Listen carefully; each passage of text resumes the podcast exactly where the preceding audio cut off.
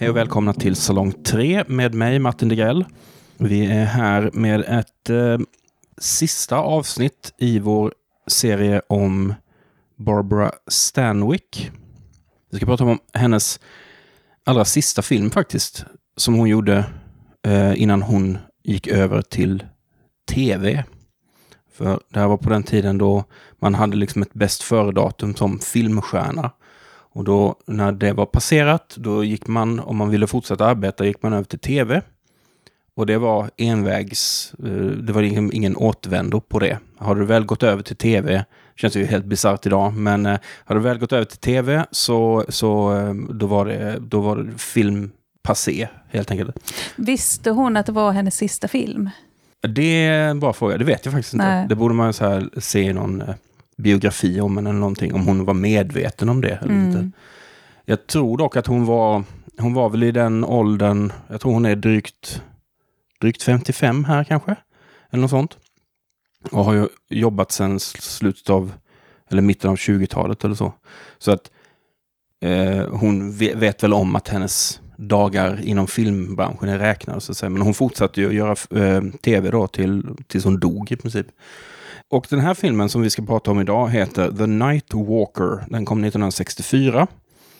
Den har även en svensk titel, Fruktan för natten. Hjälp! Det, vilket eh, låter passande Ja. Den passerade den svenska censuren 13 januari 1965. Eh, utan klipp, vad det ser ut som. Och den var tillåten från 15 år i Sverige. Men jag, kan, jag har tyvärr inte hittat eh, någon info om eh, premiärbiograf. För det brukar alltid stå på Svensk Filmdatabas att det hade premiär på Rigoletto i Stockholm Mm. den eh, 19 februari. Du vet så. Eh, vilka är vi då som ska prata om det här? Jo, det är förstås eh, mig, Martin Degrell, och eh, jag har även sällskap här av eh, Susanna Bernstrup. Välkommen tillbaka till podden. Ja, tack så mycket. Ehm, The Nightwalker, en film som... v- vad ska man säga att den, den, eh, den hu- huvudtesen för filmen, eller huvudfrågan, är väl helt enkelt den här frågan som inleder filmen, nämligen What are dreams? What do they mean? What do you know about the secret world you visit when you sleep?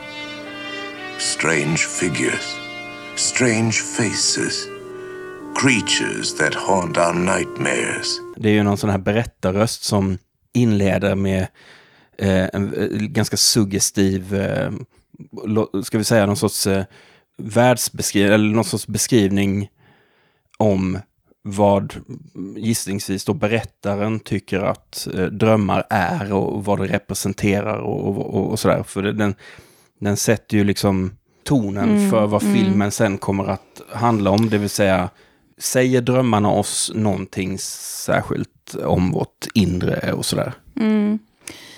Jag, eh, ju mer jag har tänkt på den, jag tycker den där, jag undrar lite grann om vad den där eh, inledningen egentligen betyder. Eh, om den betyder sådär jättemycket. Den känns ju lite grann som ja, men estetisering utav drömmar och kanske framförallt hur kvinnor drömmer. För när, ju mer jag har funderat på den här filmen så tänker jag att den, den handlar mindre om de här eh, drömmarna som den, kvinn, den kvinnan som drömmer, utan hur hennes man tolkar sin frus drömmar. Mm. Det, handlar, det är ju i någon mån också en film om mäns kontrollbehov av kvinnor för att vi, har, vi har att göra med då en, en, en väldigt kontrollerande paranoid man som inte ens låter sin fru vara sig själv eller vara fri ens i drömmen, utan han blir så här han blir ju svartsjuk på det hon eventuellt upplever i sina drömmar till och med. Ja, precis. precis. Ehm, det finns ju lite olika sätt som man kan, hur man kan se på det, tänker jag. Vi, vi, kan, eh, vi, vi, kom, och vi återkommer till drömmarna eh, och så vidare. Eh, de de eh, genomsyrar ju hela filmen. Det här är alltså en film om, eh, av eh, eh, William Castle som ju var en, eh, både, vad ska vi säga, en eh, sorts eh, journeyman som man säger i, i Hollywood, alltså en sorts bruksregissör som var kopplad till olika, olika studios genom sin långa karriär. Men han hade också några perioder under sin karriär då han var mer independent och gjorde eh, framförallt sig ett stort namn inom skräckgenren. Och var väldigt, en väldigt färgstark personlighet. Vars, eh, han var väldigt inspirerad av eh, eh, cirkus och, och, spektakel och sånt där. Så att han, när hans publik kom till biovisningarna av sina filmer, då räckte det oftast inte med att han bara visade sin film. Han var ofta där själv, introducerade den, han introducerade olika gimmicks.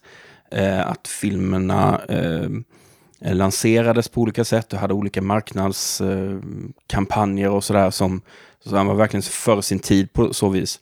Men sen så gjorde han ju också speciella ingrepp i biosalongen. Han kunde, ha han kunde placera ut sådana här små Eh, eh, små maskiner som ger folk små stötar. Mm.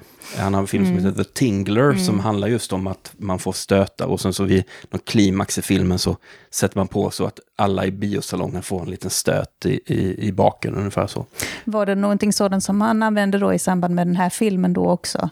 Ja, det är ju lite grann ja. så när man tittar på den som att nu så kom men det, ja, det, man introduceras till att man ska se, på någon, se en film och att det finns en fara förenat med att överhuvudtaget se filmen. Ja, jag har inte hittat något specifikt som han gjorde sånt här spektakulärt som han gjorde eh, framförallt under 50-talet eh, med, eh, med sina filmer där han var väldigt personligt engagerad och sådär.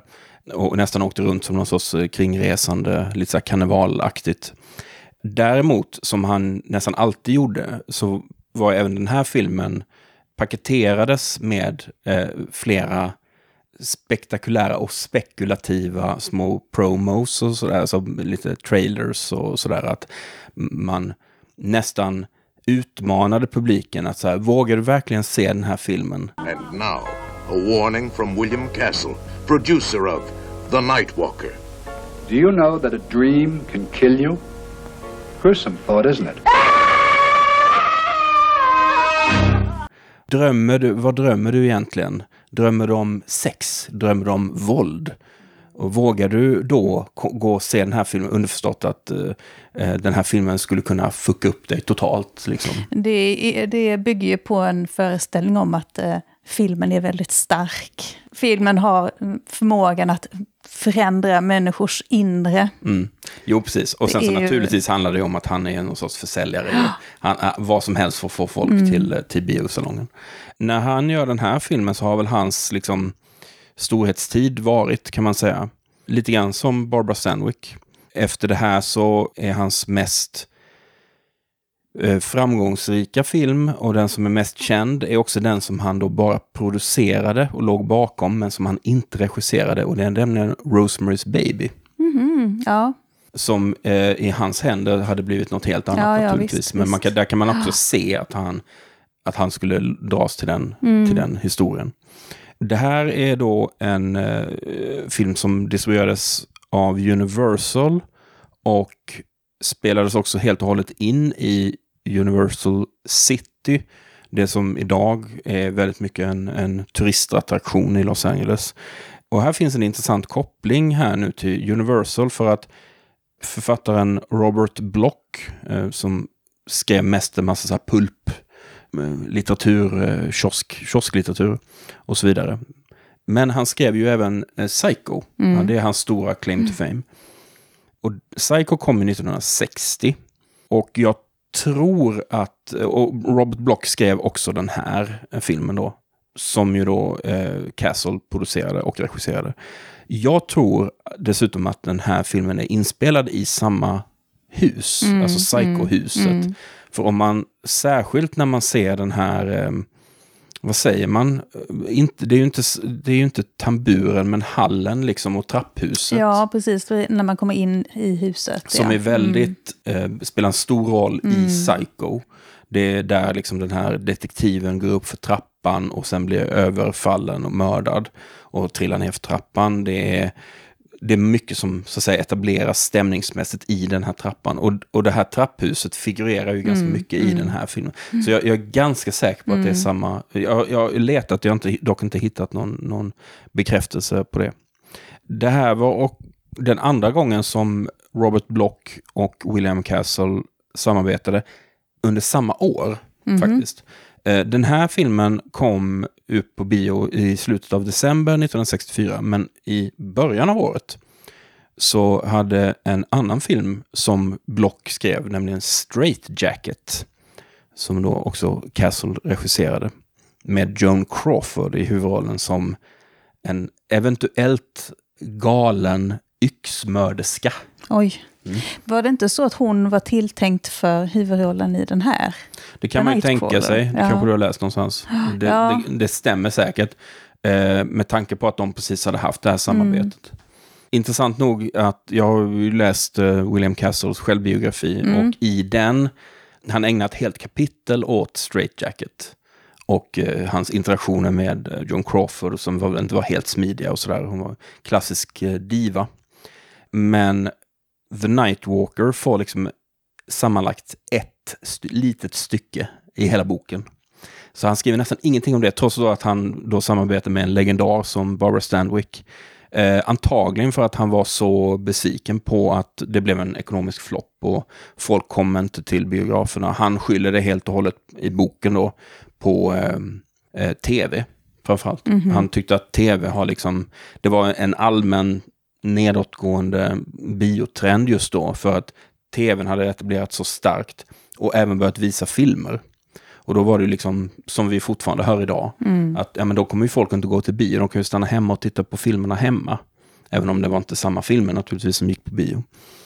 Eh, så han skyller på det och lägger liksom ingen, han skriver ingenting om produktionen, inte någonting. Tråkigt. Ja, det är lite tråkigt. Ja. Jag hade hoppats på lite mustigt därifrån. Men eh, det här är då en film som ställer frågor som handlar om drömmar. Då. Vad betyder drömmar? Har de något innehåll? Finns det någon symbolism? Kan vi, kan vi lära oss något av dem? Och i, då i synnerhet för då vad filmen anbelangar då, mardrömmar. Det är ju inte bara det är ju inte drömmar i största allmänhet man är intresserad av här. Det är ju mardrömmar. Och det handlar om en kvinna som heter Irene Trent. Hon lever eh, ihop med då sin man, Howard Trent.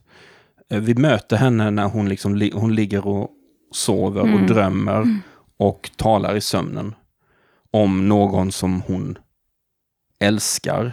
Alltså hon pratar om någon, en, en, Ja, en, någon man en av något man. slag i sina, sina drömmar. Ja. Och, och samtidigt så ser vi då att det står en, vad det verkar då, en blind man vid hennes säng och iakttar detta. Och ser väldigt eh, för, lite förgrymmad ut. Och det är då hennes man. Som är då, är han helt blind? Eller är han, jag minns inte om han, de säger att han är så här svårt synskadad eller om han är helt blind. Jag tror han är helt blind. Jag tror också att han är helt blind. praktiken. alltså, typ blind. Ja. Jag tror att det är av betydelse för historien också att han är såklart. blind. Såklart. Eh, han har ju käpp och sådär. Och, så, och, och han lämnar det här rummet där hon ligger och sover. Och eh, går in till ett annat rum där det finns en, en man som väntar. Det är eh, en man som heter Barry, som är advokat. Och han spelas av Robert Taylor, som ju var en, en riktig sån här filmmatinéstjärna.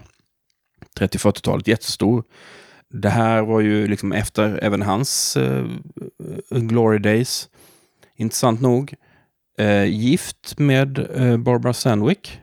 Dock inte när de gjorde den här filmen, utan de var gifta mellan 1939 och 1952. Mhm. Ja, just det. Så det var ju innan. Ja, just och sen 12 det. år senare så gör de den här Ja. filmen tillsammans. Mm. Eh, så de, de var ju goda vänner trots att de hade skilt sig då. Mm. Det hade William Castle hoppats kunde, skulle bli liksom, oh, de här två stora filmstjärnorna, åter, deras återträff nu på vita duken. Eh, det, det kommer folk att strömma till biosalongerna för att se. Men så blev det tyvärr inte då. Och han dog eh, bara ett par år efter den här filmen. 57 år bara, i lungcancer. Så han naturligtvis rökte ända fram till, till döden. Det röktes ganska lite i filmen. Gjorde det kanske? Ja, Det var Jag- annan typ av rök, det var brandrök. precis. Och jag tycker att hon har ju en väldigt karaktäristisk rökröst. Mm. Ehm, Det är som att... Ja, men det är som ett sånt där, det är som ett vibrat som är över rösten hela tiden. Mm. Eh, Men jag, det var inte så många sig Nej, det var det kanske inte. i filmen. Nej. Mm. Eh, Den här eh, Howard Trent förklarar då för den här Barry, advokaten Barry, att eh, han är väldigt bitter över den här situationen. Och vad är situationen då? Jo, det är att hans, hans Ja. fru tycks drömma om en annan man. Ja, Och, och han drar då slutsatsen av detta att eh, då måste det innebära att hon har en älskare. ja Det är väl ungefär så knäpp logik. Ja, vilket ju är ganska, det är ju ganska lustigt, eller det är ju lite intressant. Alltså jag tänker mig, alltså om man tänker sig då på vilket sätt de här drömmarna faktiskt skulle ha någon mening eller så. Så på den tiden så föreställde man ju sig, vilket man ju kanske i viss mån fortfarande gör, men alltså just den här freudianska föreställningen om att drömmarna innehåller otillfredsställda önskningar eller dolda önskningar eller önskningar som man inte kan realisera i verkligheten.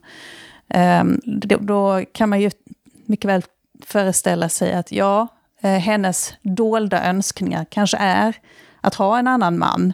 Någon som är eh, vänlig, som är eh, nära och uppmärksammar henne, som ser henne. Men hennes man då, han tar ju det här ett steg längre till att nej, detta är inte bara det hon önskar, utan det här är faktiskt Det är sant. det är sant. Det är någonting som faktiskt händer. Och föremålet för de här drömmarna är eh, min advokat. Ja, han antyder, Det- han, han liksom ställer nästan en lite sån eh, antydande fråga till Ja. den här Barry att ungefär som att eh, är det kanske du? Men det tyckte jag var ganska, det är också en detalj i det, inte bara en detalj, men det som är en ganska stor del i, i eh, det här. Det är ju att han, eh, han eh, registrerar ju hennes drömmar genom att eh, spela in Ja, han, har ju, han buggar ju typ hela Han huset. buggar hela huset så att han spelar upp inspelningar utav hur, hans, hur frun låter för den här Barry när han, ja, Mm.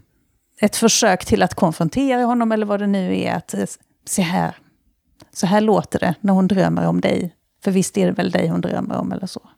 Och hon drömmer samma sak natt efter natt. Ja, Och eh, då säger ju Barry någonting som jag då kan och också så här skriva under på. Do you think I'm right, Barry? Has it ever occurred to you she was just dreaming? Är det kanske så att det bara är en dröm. Ja. Och att den inte behöver betyda någonting eller, eller visa på någon annan, eh, någon annan sanning eller någon, något annat sakförhållande. Sådär. Den här eh, Mr. Trent är ju lite knäpp. Alltså så här, han är ju ganska excentrisk, han verkar vara ganska förmögen, eh, kontrollerande person. Men det här med hans inställning till liksom vad drömmar kan eller inte kan innehålla eller betyda. Mm. Var har han fått det ifrån tror du? Alltså, är, alltså han tar det ju ett steg längre, men liksom är det så Ja. man resonerar på den här tiden? Nej, det tror, eller jag tror att det är så här. Ja, alltså, jag tror att eh, man resonerar på den eller att man resonerade på den tiden att det fanns, drömmarna har ett innehåll. Ehm, det var ju förvisso inte en ny tanke, för det har man ju länge tänkt att det finns en mening med, drömmarna innehåller någon form av mening. Ehm, vad man historiskt, kanske sedan antiken och så, har sett på drömmars innehåll är att det, ger en, det kan ge information om vad som ska hända i framtiden. Eller det kan vara, vara vägledande på något sätt. Att det kan vara ett scenario och du bör handla på det här sättet och så Det är vidare. järtecken på något sätt. Ja. Att det antingen kan vara någonting som är varning på någon fara och färde eller, Ja, ja. eller varna om någon eh, dålig skörd. Eller, Ja, precis. Eller med liksom tips om hur man ska föra strategier i krig. Det är väl lite sådana drömsekvenser i, i um, Iliaden och så till exempel. Att, ja. Men det som väl kom då med Freud eh, i början av 1900-talet var, med drömtydning var ju att man föreställde sig att eh, drömmarna har en mening som då handlar om vad som, att det, vad som döljer sig, som jag sa innan, det här med dolda önskningar och att det är en bild av det undermedvetna som kommer fram i drömmarna. Så i det här fallet skulle det ju vara då att hon drömmer om en annan man. Men den här eh, karaktären då, hennes man, jag kommer att tänka på en annan historia som ju Freud också har skrivit om. Och det är ju den här berättelsen Sandmannen. Har du läst den? Alltså, Eller du känner till den? den här om, Hoffman? Ja, men precis. Mm. precis. Det handlar ju om en pojke som under sin uppväxt blir eh, skrämd av eh, sin, ja, sin barnflicka eller, eller så. Om att ja, men du måste gå och lägga dig i tid för annars så kommer Sandmannen och kastar grus i dina ögon så blir du blind. Eh, och han kopplar då ihop detta med eh, nattliga besök som hans pappa får utav en, en person. Eh, och det här blir något, det är ju någonting som, en, en idé liksom som återkommer hos honom eh, även när han växer upp och, och är ung vuxen. Så att han tror att den här Sandmannen är samma person som den här eh, advokaten som kommer och hälsar på hans pappa. Och ehm, han kan ju då inte riktigt skilja mellan vad som är sant och vad som är fantasi eller vad som är skröna. Och hans eh, flickvän försöker övertyga honom om att ja, men det där är bara en fantasi. Ehm, det, det betyder ingenting. Eh, men den här historien liksom återkommer sen när han blir äldre.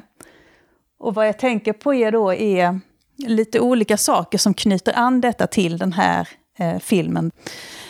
Eh, att han, eh, det är ju den här blindheten, att eh, mannen har förlorat sin syn.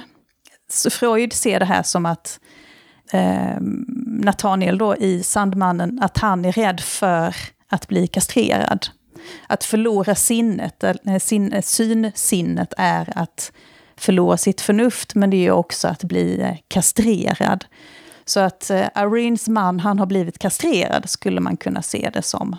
Ja, han är ju dessutom, vad ska vi säga, han är ju dessutom bedragen då av, enligt i hans egen fantasi, av en man som existerar i en dröm. Ja, precis. Mm. Ehm, Så, så tills, tills han så att säga hittar den, den, den föreställda riktiga mannen som bedrar honom, eller som frun bedrar honom med, så är det ju extra förnedrande för det är ju en, någon sorts drömman Ja, ja, precis. som han inte kan ta på. Ja, Eh, och inte se då både eftersom den existerar i en dröm, men Mm. också för att han är blind. Nej, så att egentligen är det ju han som har väldigt svårt för att skilja mellan vad som är dröm och vad som är verklighet. Det är ju inte hon inledningsvis, utan det är ju han som inte kan skilja mellan fantasi, eh, dröm och verklighet. Och det är ju intressant med tanke på hur filmen sen utvecklas. Ja, Med, eftersom det blir ju väldigt mycket så att mycket av resten av filmen går ju ut på att hon inte kan avgöra vad som är eh, dröm och verklighet. nej, precis. Mm. Eh, den här, eh, för att återgå till handlingen då, så den här eh, Irene dyker då upp och liksom smyglyssnar på det här samtalet mellan hennes man och den här Barry. Eh, här, här uppfattar jag då också väldigt tidigt i filmen ett tema, det här med att folk inte litar på varandra. Ingen litar på någon annan. Dels det här med att liksom man smyglyssnar. Han smyglyssnar genom att bugga huset och lyssna på henne efter han tittar på henne när hon sover och sådana här saker. Hon smyglyssnar när han inte förstår att, han, att hon är där och så vidare. Och sen även senare i filmen så är det liksom andra karaktärer som man med goda eller inte eh, anledningar eh, inte riktigt litar på. Alltså det finns en paranoia över filmen. Och eh, som naturligtvis späs på av den här eh, vem kan man lita på? Vad är dröm? Vad är verklighet? Ja, precis. Mm. Och det är ju en, det är en, vi får ju reda på ganska lite om så att säga deras eh, förhållande egentligen. Mr and Mrs Trent då. Men den här Barry, han, han antyder ju att så här, typ hon lämnar aldrig huset. Jag blev inte riktigt, det är möjligt att jag missade det, men är det för att hon har någon eh, åkomma eller är det för att, bara för att mannen är så kontrollerande så att han inte släpper ut henne ur huset? För i så fall är det ju liksom jättebisarr eh, situation de har. Men samtidigt, ja, det är faktiskt jättekonstigt, för att hon har ju faktiskt en eh, skönhetssalong. Ja, men den gav hon ju upp, det säger hon. Ja. Att den, övergav hon i Ja. samband med att han gift, de gifte sig. Ja, så därför tänker jag att det är, det är väl kanske det som hon, eh, eftersom hon har gift sig, så är hon mest hemma. Precis, hon, hon gifte ju sig till pengar. Mm. Ja. Men i samband med det så blev hon ju av med sin frihet kan man säga. För Ja. hon, då förväntar hon sig, eller han förväntar sig att hon bara ska vara hemmafru. Hon ska bara vara i hemmet, Ja, ja. hon ska inte arbeta, hon ska inte göra någonting, hon ska liksom bara vara hemma. Mm. Och då ökar den här kontrollfaktorn kan man säga i deras relation. Nej men det är lustigt det här med skönhetssalongen som ju på något Mm. Den sätt... heter ju fortfarande Irenes. Ja, och, och den står liksom bara redo för henne att ta i besittning igen. Ja, och där finns ett litet rum som... Ja, Ja, finns där finns en liten säng, en lägen- liten en lägenhet, lägenhet? som hon kan flytta in i också. Och de- den, ja. den verkar bara ha stått tom och, och de verkar bara ha fortsatt arbeta. Men, men ja, Mm. det, det är en liten sån här, inte helt, känns inte helt verkligt kanske, men när ehm, Barry får den här Irene ehm, liksom på tu man hand så, så frågar ju han henne rakt ut om hon har någon älskare och i så fall vem det är. Vem är den här andra mannen? Och hon eh, undviker liksom lite grann frågan. Eh, men eh, hon berättar sen att, om sin dröm då, att hon drömmer om en älskare. Hon vet inte vem det är. Och hon har samma dröm varje natt. Och intressant nog, hon plågas av det. Så det är inte så att hon, hon, hon drömmer om, och det är så underbara romantiska drömmar om någon sorts, eh, om en man som hon aldrig kommer att få eller, eller som hon har ett underbart liv med när hon är i sin drömvärld. Hon plågas av det, hon tycker det är jättejobbigt. Och det är en mardröm nästan. och, och det är också intressant, så hur får du ihop det då? Att hon, å ena sidan så drömmer hon om ett liv som hon inte kan få, för hon är fast med den här knäppa, blinda mannen. Men å andra sidan så är ju inte drömmarna odelat romantiska, utan de är Nej, men jag tror, att det är, jag tror att de är obehagliga därför att de är förbjudna. Jag tror att det är så man ska se det. Okej. Att, de är, att det är förbjudna drömmar. Hon är gift och hon... eh, eh, Det, de, om, om hon skulle realisera, eller om det skulle vara... Om, om hon skulle agera likadant så skulle hon ju... mm, Ja, hon skulle behöva vara otrogen, hon skulle behöva ljuga för sin man. Ja, det, det är helt enkelt... Det är förbjudna tankar, det är förbjudna önskningar. Och det är därför det blir obehagligt. Ja, och det säger ju då någonting också om att även hon tillskriver de här drömmarna en viss betydelse. Ja, precis. Mm. Alltså, om hon bara hade sagt att det är bara en dröm, Ja, det betyder ingenting. nej visst. Men nu, nu är det, blir det jobbigt även för henne. Mm. Men på ett annat sätt då kanske. Intressant eh, inredningsdetalj. Jag tänkte på den här eh, hallen med den här trappan. Ja, just det. Hela den här väggen är full av Ja, klockor. ja. Gökur, eller? Gök- ja, eller bland annat. och här alltså överhuvudtaget så är det väl klockor som låter mycket. Ja, Mm. pendel eh, så. Det är väl för att den blinde ska kunna hålla koll på tiden eller någonting. Man hör TikTok, TikTok och sen Ja, så... jag, Nej, jag vet inte. jag bara föreställer mig att det kanske finns någon, Ja, finns någon symbolik. det kanske det gör. Alltså överhuvudtaget så verkar han ju ha intresse för lite olika typer av samlingar av märkliga objekt. Mm. Eh, Och huset är ju som sagt, det är ju liksom, han har ju utrustat det med diverse mikrofoner och Mm. inspelningsapparatur. Och det finns också ett, ett labb. ett Ja, laboratorium. vad är det han gör i det där labbet egentligen? Ganska oklart Ja, faktiskt. Men, men det får ju betydelse sen i alla fall. Eh, Men de har ju en väldigt kylig relation får man ju säga, eller frostigt sådär. Deras dialog, eh, eller liksom hur de pratar med varandra är ju inte särskilt Nej. kärleksfullt. Eh, han mästrar ju henne med sin uppmärksamhet. Han, inget undkommer honom, eh, trots att han är blind. Eh, han är liksom sarkastisk.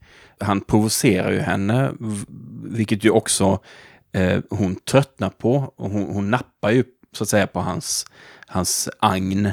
Och eh, till slut så tröttnar hon och så säger hon att eh, Tell me the truth. There is a man, isn't there? Isn't there? Yes. Yes, I do have a lover. He comes to me every night. He holds me in his arms. He's young, handsome, and tender. He's everything I've always wanted, everything you're not.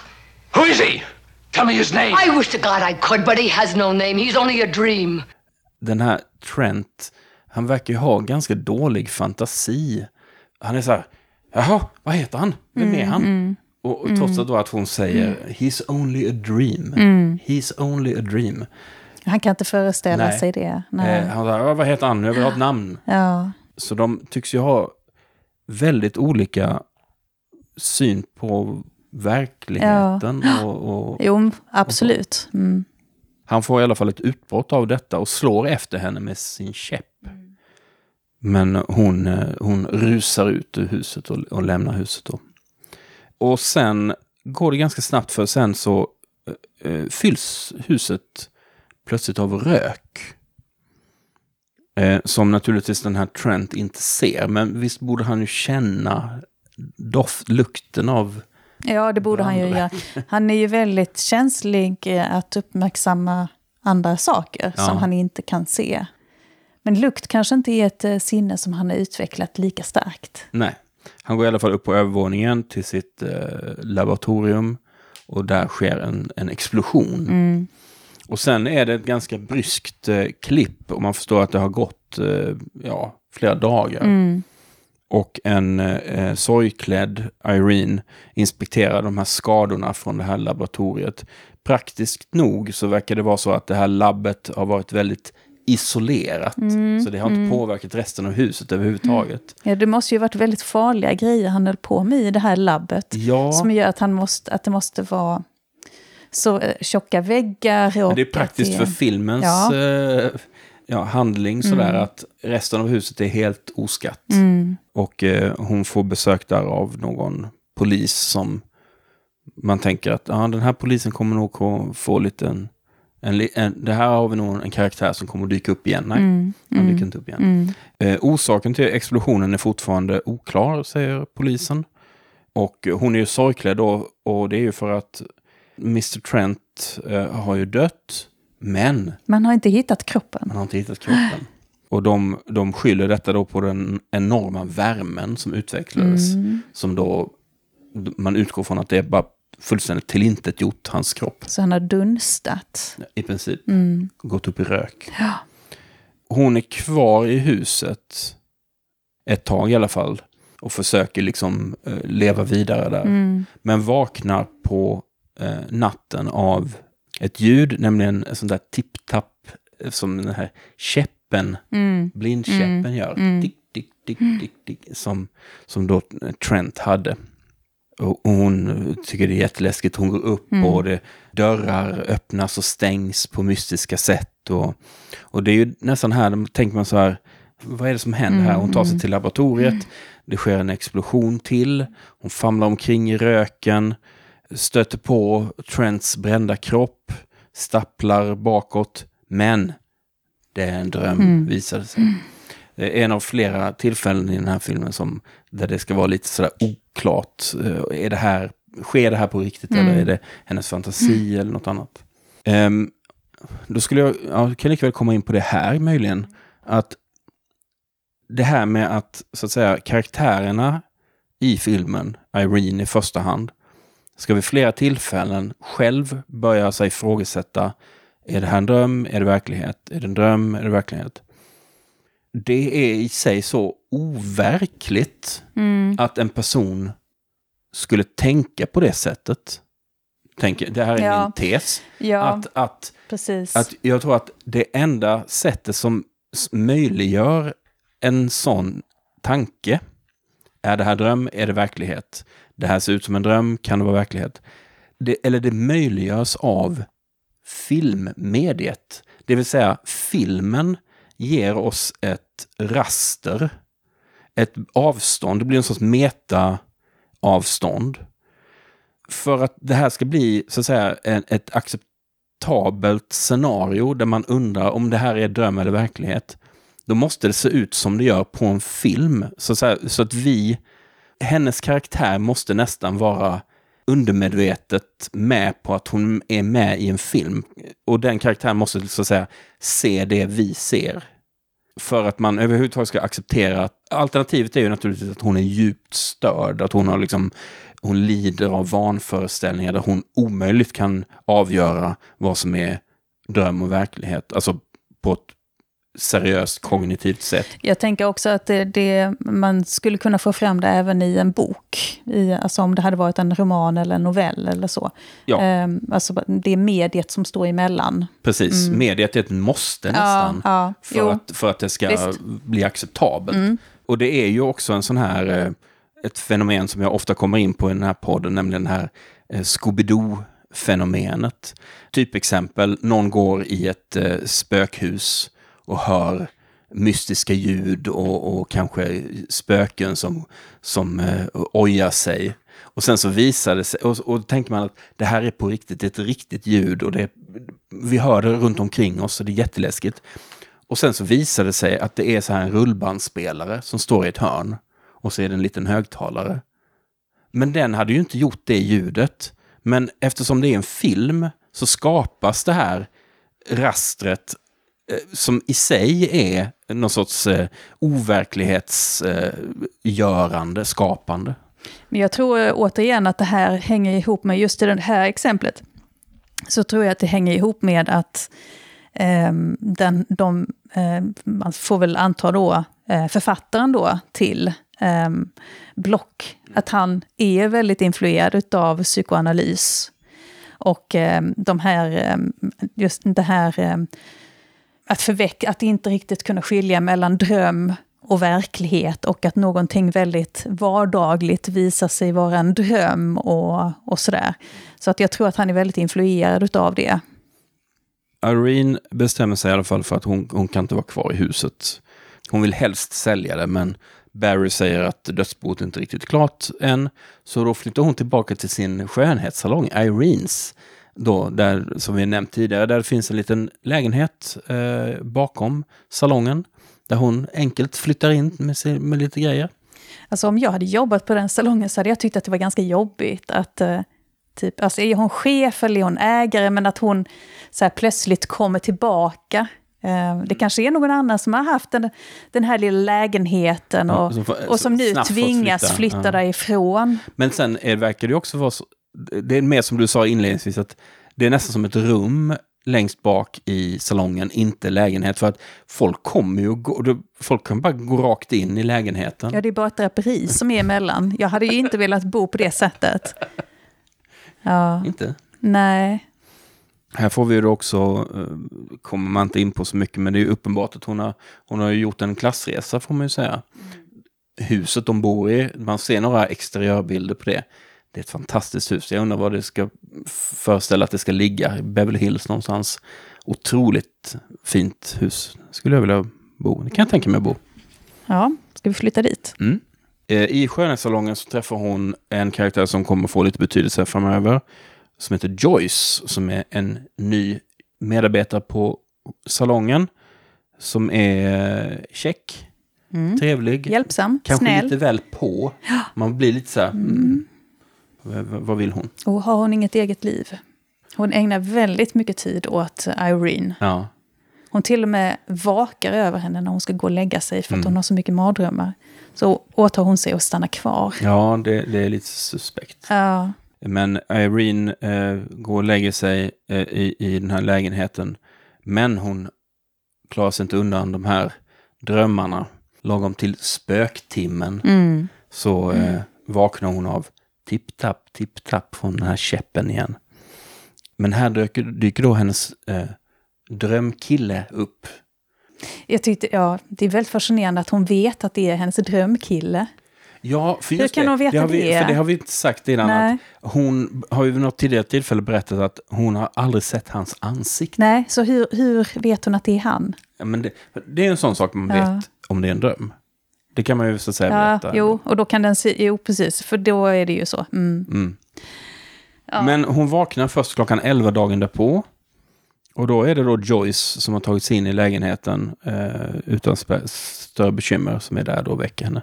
Ja, men alltså är det inte då som hon har den här ganska avancerade drömmen? Eller kommer den, Den kommer senare? sen, den kommer ja, sen. okej. Mm, Eh, de- den är väldigt eh, så. just det. Mm. Eh, och det är kanske där jag formulerar, vi, vi kommer. Ja, vi kommer till den Eh, sen. Mm. Men den här Barry, efter mycket om och men så erkänner ju han på något sätt att han är intresserad av Irene. Men hon, eh, Eh, hon säger, fast jag har ju redan en man i min dröm. Mm. Så det går inte. Nej. Och de ja, bråkar lite över det. Och så slänger han ur sig plötsligt eh, Did you kill your husband? Varpå hon ger honom en örfil och stormar ut. Och eh, nästa natt, samma visa igen. Hon går och lägger sig, drömmer, frågetecken, igen. Eh, den mystiska mannen dyker upp igen. Eh, väcker henne till och med. Mm, mm, Eh, och då, då, det är här man blir lite så här, "Men vänta nu. Okej, han väcker henne mm, för att säga att du drömmer mm. och vi ska på dejt. Ja. Och han tar med henne i en bil och de kör Hon har fortfarande iväg. nattlinne på sig, men hon får ta på sig en Ja. kappa. Då, hon, eh, han, och de åker iväg, han bjuder på champagne. Och det är här jag menar att filmmediet är ett måste för att vi överhuvudtaget ska kunna tro på sammanblandningen mellan dröm och verklighet. Det vill säga, Irene kan inte befinna sig i sin egen verklighet, utan och hon måste också befinna sig så att säga i en film. Nu gör jag så här citattecken med fingrarna. I en film.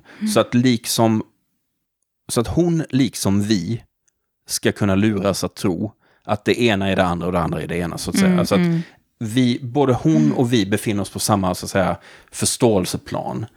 Varken hon eller vi vet Nej, om nej. det här är dröm Visst, verklighet. Och förutsättning för det är filmmediet. Som skapar den här eh, distansen, eller man ska säga. Och här kommer kanske då möjligen filmens mest bisarra sekvens. Eh, och det är att den här drömmannen tar med Irene Ja. till ett litet kapell. Ja, för att de ska gifta sig. Där ska Mm. de gifta sig. En, en mycket bisarr ceremoni äger rum.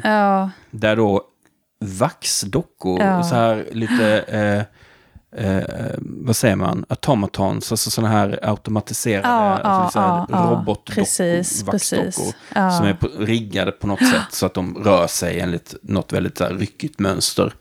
Mm. Eh, föreställande då präst, en präst, församlingsmedlemmar, en Organist. organist. Dearly beloved, we are gathered here to unite this man and this woman in the bonds of holy matrimony. This is a solemn moment, a moment in which two lives become one. Och de eh, eh, viger då, eh, drömviger kan man säga, Irene och den här drömmannen. och här kommer ju eh, Sandmannen in igen och Das Anheimlich. Alltså ehm, Sandmannen som då, eh, jag tror att Freud, kall, den här artikeln som han skrev om den, hette väl också det, Das Anheimlich. Alltså det här eh, obehagstillståndet. Eh, ofta så brukar man prata om det när det gäller just robotar eller, eller så, the uncanny valley. Alltså att någonting som är väldigt människolikt eh, men som inte är en människa upplever man som väldigt, väldigt obehagligt. Och eh, i Sandmannen så är det ju så att eh, huvudpersonen förälskar sig i en docka. Och eh, han förstår själv inte att det är en docka. Eh, och därför tror jag att det finns ju en koppling till att de här dockorna dyker upp i den här filmen också. Intressant. Ja, Eh, sen eh, i den här, eller efter den här ceremonin så dyker ju plötsligt då en dörr öppnas och Mr. Trent dyker upp. Och då tänker man, är det en mardröm? Det måste ju vara en dröm detta, för han är ju död. Och här då introduceras ju, om det inte redan har gjorts innan då, ett annat välbekant tema i dessa typer av filmer, nämligen gaslighting. Det är uppenbart här att någon eller några försöker typ göra henne galen. mm, De försöker få henne att tappa förståndet. Eh, på typiskt eh, gaslighting-sätt. Men också, återigen, Scooby-Doo-aktigt sätt. Det vill säga att jag trodde det var spöken hela tiden. Nej, det var det inte. Det var vaktmästaren med ett skynke över huvudet. Alltså. Så. Men, men just den här gaslighting-grejen att, att eh, jag såg min döde man. Nej, du är, du är inte klok. Nu, nu har du drömt. Nu fantiserar du igen och så. Det är någon sorts psykterror. Men vem utsätter henne för detta? Och eh, en, en väldigt rolig, eh, rolig, en hemsk, hon, hon mår ju jä- jättedåligt. Men hon skriker vid något tillfälle, I can't wake up. Alltså överhuvudtaget, jag gillar ju hennes skrik i den här filmen. Det är flera gånger då hon får, eh, då hon bara bryter samman och vrålar. I ga- ganska fantastiska Ja, för det känns så... ehm, det, känns, det känns totalt ohämmat. Ja, ja.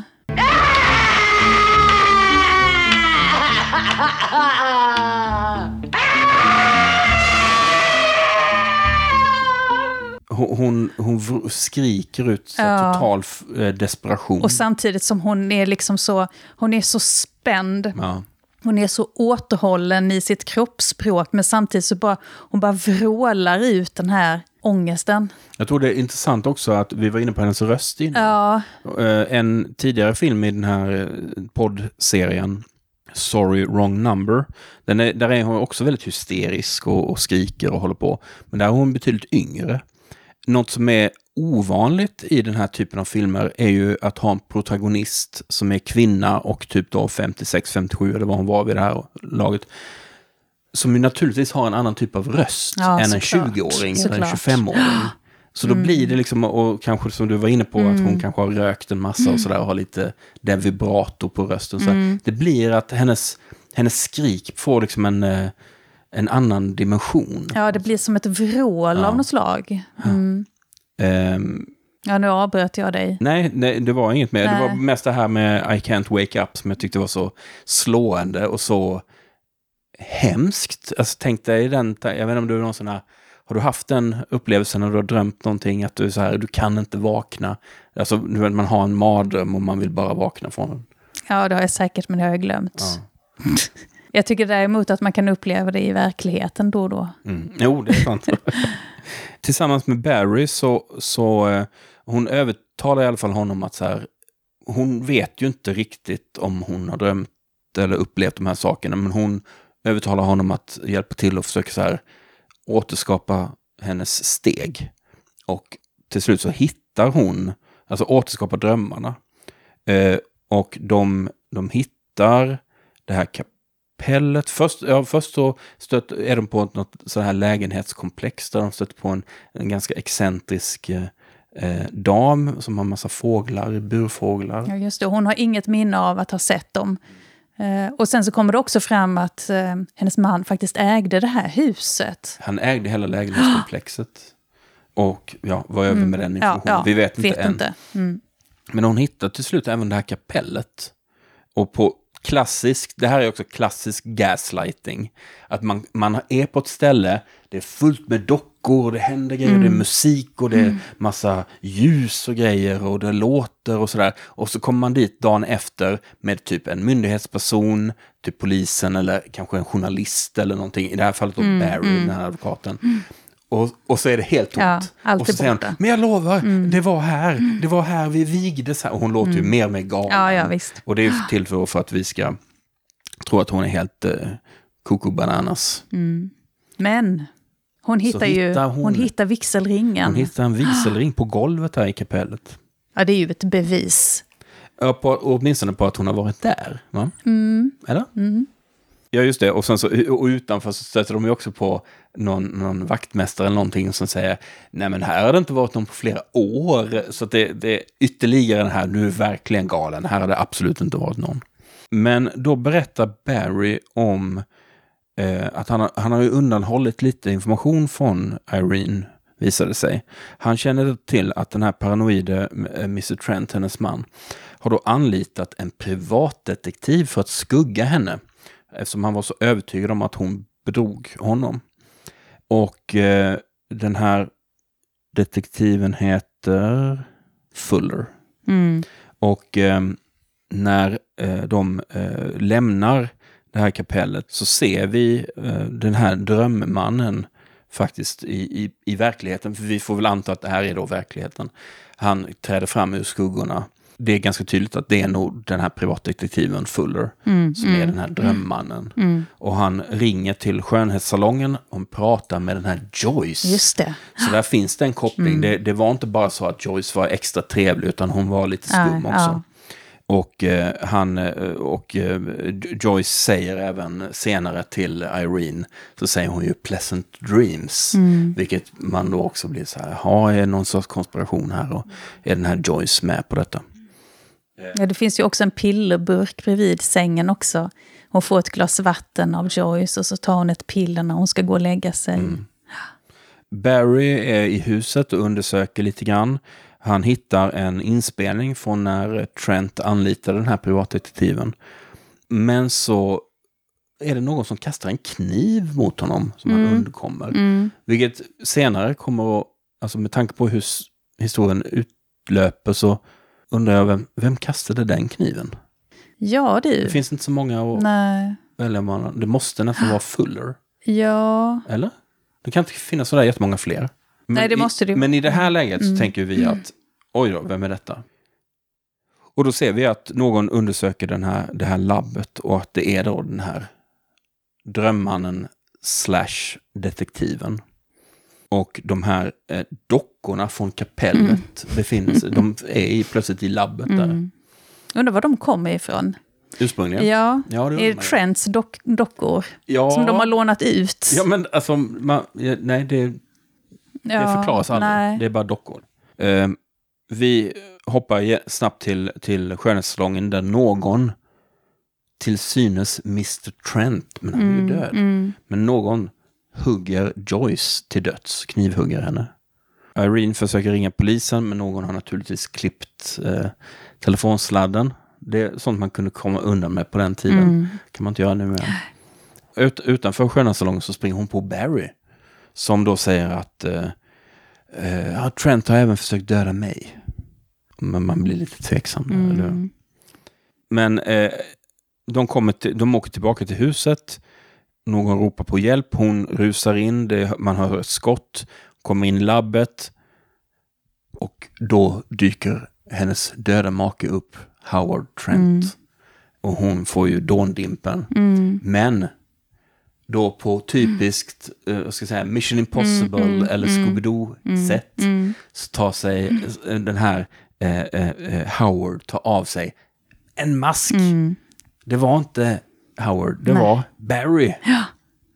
Och här kommer då förklaringen som är lite invecklad, men han basically, Barry ville ha pengar. Han lurade till sig pengar via Trents testamente. Han var ju advokat. Trent var ju blind. Eh, han såg till att eh, ändra i testamentet. Men eh, hon, han var ju tvungen att röja Irene ur vägen såklart. Och den här privatdetektiven Fuller och Joyce, som ju då var gift med Fuller, var med på det hela. Men på typiskt bovsätt så eh, blev de oense om hur de skulle göra och hur de skulle dela upp det hela.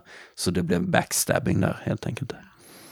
Och då dyker ju den här Fuller upp och så blir det lite batalj mellan honom och Barry. Och det slutar med att bägge två trillar ner genom det här hålet som har skapat den här branden i, i, i labbet. Explosionen. Ja, och, de, och de bägge två dör. Och där nere ligger ju också alla vaxdockor Just det, också. det ligger en stor hög. Och Irene står då kvar chockad. Och sen så bara är det slut och så Ja, står det ja. pleasant dreams. Ja. Och sen är det slut. Vad säger du om eh, hur, det, hur, det, hur slutet blev och hur det, hur det utvecklade sig? Blev du överraskad? Nej, eller...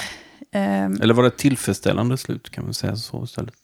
Nej, inte helt och hållet. Jag tycker att, de, jag, tycker att han var... Ja, jag, jag blir så beklämd å hennes vägnar, att hon ska behöva utstå allt det här. Och ehm, ja, jag hade velat eh, att...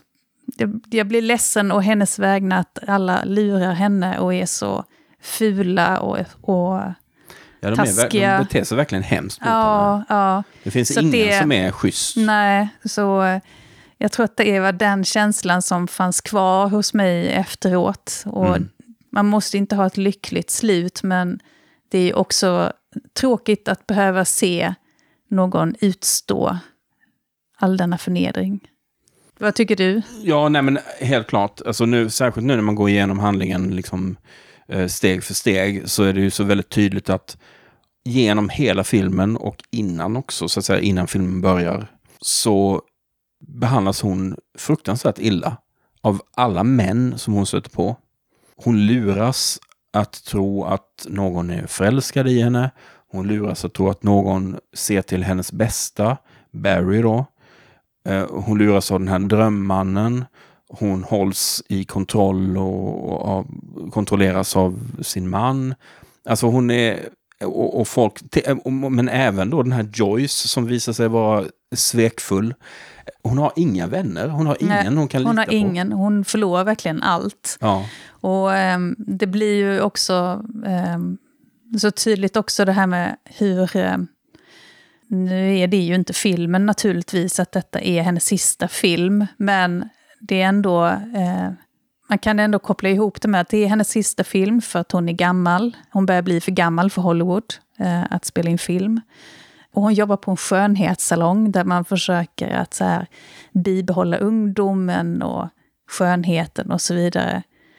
Men det är som att hon ändå liksom förlorar allt. Både karaktären och så. Samtidigt så är det ja, hon, hon är ju, man får ju bara hoppas att hon på något sätt uh, lyckas uh, skrapa ihop sin, sitt, sin psykiska hälsa efter det här. För det tror jag säkert att hon gör. Ja. Det är inte farligt att ha mardrömmar eller att, hålla, att drömma om en annan man eller, eller så som hon gör i, i filmen. Men det blir ju ett problem därför att omgivningen börjar lägga sig i. Och för att de vill liksom de vill få henne att inte kunna skilja på dröm och verklighet. Men, mm. Och det är också så taskigt. Mm. Eh, och då är kanske en enkel fråga att besvara. Vem hejar du på? Irene. Irene, mm. det håller jag med om. Mm. Eh, det här var ju en film då som, eh, som jag sa, allt, som alltid hos William Castle så fanns det olika skojiga taglines. Så det finns några fina eh, Eh, promos då med Castle själv som, som varnar oss för att se filmen.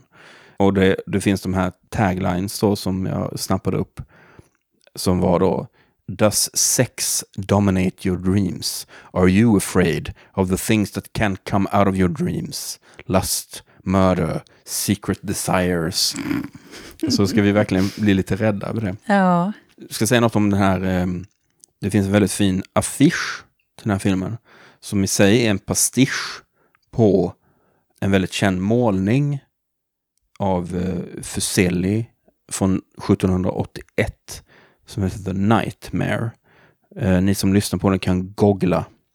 Eh, så kan jag visa. Eh, du, du ser den. Ja, just det. Du känner igen. Mm, mm, mm. Eh, den är, det är ju den då. Ja, precis. Så det är alltså en, en, kan säga, någon sorts demon eller någonting som sitter på, uppe på liksom bröstkorgen nästan på en, en drömmande kvinna då. Ja, återigen så är det de kvinnliga drömmarna som är så farliga. Precis. Men apropå drömmar då, om vi, vi vet ju att Freud är jättestor fortfarande när den här filmen görs naturligtvis man kan se, det är ju intressant att se, det är någon sån här subgenre kan man säga i, inom Hollywoodfilmen. Att titta på så här, när ungefär blev Hollywood helt besatt av freudiansk tolkning och psykoanalys och, och att, för det får man ju säga att det genomsyrar ju stora delar av åtminstone västvärldens mm, jo, litteratur, kulturkanon mm. under, under hela liksom ja, men du vet, från 20-talet till nu i princip. Och det är intressant att se hur, hur det får fäste i Hollywood. Mm. Jag skulle nog tro att det är slutet av 30-talet ungefär. Mm, mm. Och framåt. Så det här är verkligen prima guldålder ja. för det. Men min fråga till dig är, när jag har pratat med typ kognitionsvetare och så idag, om så här, men vad har ni för syn på drömmar? Då får jag oftare höra det betyder ingenting. Drömmar är bara någon sorts slagg som vi, vår hjärna bearbetar, eller inte ens bearbetar, utan bara skvalpar runt och sen försvinner det under natten när resten av kroppen bara så här resetar eh, efter en lång dag eh, med massa tankar i huvudet. Och det betyder ingenting. Hur, hur, är det, hur ser det ut idag? Alltså är, är den här freudianska tolkningen lika dominant? Det tror jag beror på vem du frågar egentligen. Såklart. Eh, men eh, Det känns som att det var så alenarådande på den tiden. Alltså, ja, precis. just men att så- drömmar ska mm. man kunna tolka. Liksom. Ja, nej men alltså jag tror att man kanske mer, Um, om man nu, jag tror att det handlar lite, det beror på lite grann vilken fråga man ställer sig. Alltså eh, det ena är ju då, har drömmarna något innehåll eller inte? Är, mening, är innehållet meningsfullt eller inte? Uh, och kan drömmarna lära oss någonting eller kan de inte lära oss någonting? någonting? Ehm, och den här äldre föreställningen då var väl då att ja, ehm, in, drömmarna kan användas för att vi ska lära oss någonting om oss själva. Och eh, senare så tror jag att man kanske har, eh, jag är ju mest, jag är ju inte kognitionsvetare, men jag är mer jag har ju framförallt läst neuropsykologi och kognitionspsykologi och där kanske man ser drömmar mer som ja, men, eh, vad det är för typ av kognitiva processer. Och ehm, då kan man ju se att, alltså att människor eh, tillskriver drömmarna ganska stort värde fortfarande. Alltså att man tror att drömmarna kan ge en ledtråd om hur man ska handla. Eller att man, över, man övervärderar betydelsen av drömmar. Man, många tenderar att göra det. Um, och kanske um, ja, men att det kan ge en hint om vad som ska hända eller hur man ska agera i olika situationer. Och det är ju fullkomligt irrationellt. Eh, men av någon anledning så är det lätt att göra det. Och det finns väl lite olika förklaringar till det. Jo, men man är, då är man kanske intresserad av att um, på vilket sätt man skiljer mellan det som är fantasi och vad som är verklighet. Um, och hur man skiljer ett minne ifrån någonting som man bara har tänkt och så. Då påminner ju drömmen påminner, har ju väl, delar ju väldigt många egenskaper med hur man faktiskt upplever saker eller vad man tänker. Så, ehm, men då, om man inte kan liksom attribuera eller tillskriva orsaken till de här händelserna till någonting annat än verkligheten så är det lätt att man fäster större värde vid det än vad man kanske egentligen borde göra. Precis, och då, kommer man in, då är det lätt att man börjar tolka det och läser in Ja, betydelser eller kanske precis. som någon sorts symboler för någonting. Eller, Jag är ju lite rädd för att eh, det ska bli än mer tal om på vilket sätt drömmarna kan ge oss insikt. Och det är ju den stora återupptäckten av Jung som har eh, kommit nu på senare år. För Jung utvecklade också en drömteori där han ja, frångick vissa av Freuds idéer, utvecklade vissa andra. Där han, han också utvecklade en drömteori. Och ehm, jag kan inte redogöra för alla detaljerna i det, men men vadå, finns det en eh, renässans för Jung nu? ja, Okej, ja, han är i ropet igen. ja, ja. Alltså, jag, det, det, jag skulle nog säga att det är i eh, populärkulturen, alltså inte, inte i forskningsvärlden. Eh, men, ja, men många är ju intresserade av olika personlighetstester och så. Ja, men som härstammar ur många eh, jungianska idéer. Okej. Sen vet jag inte att det kanske har att göra med... Det finns ju överhuvudtaget ett väldigt stort intresse för saker som har eh, ovetenskaplig grund just nu. Mm. Och eh, då kan man ju plocka fram det här. Ja, visst, varför inte? Om man nu ändå... Precis som när man ändå håller på. Och sen så är det ju säkert mycket sånt som man tycker, många tycker är spännande med arketyper och sånt där. Som han höll på mycket med. Det är spännande. Leta efter sin inre gudinna och sådana saker. Jag vet inte. Det här var eh, The Night Walker. Tack så mycket Susanna för Ja, att du ville vara med själv. och snacka om den här filmen. Ja, det här avsnittet är som sagt en, ehm, ett sista avsnitt av eh, den här eh, Barbara Stanwyck-serien. Men man kan också säga att det fungerar som en länk till nästa säsong som kommer att börja produktion på i höst. Och eh, som jag hoppas börjar komma ut mot slutet av året i alla fall.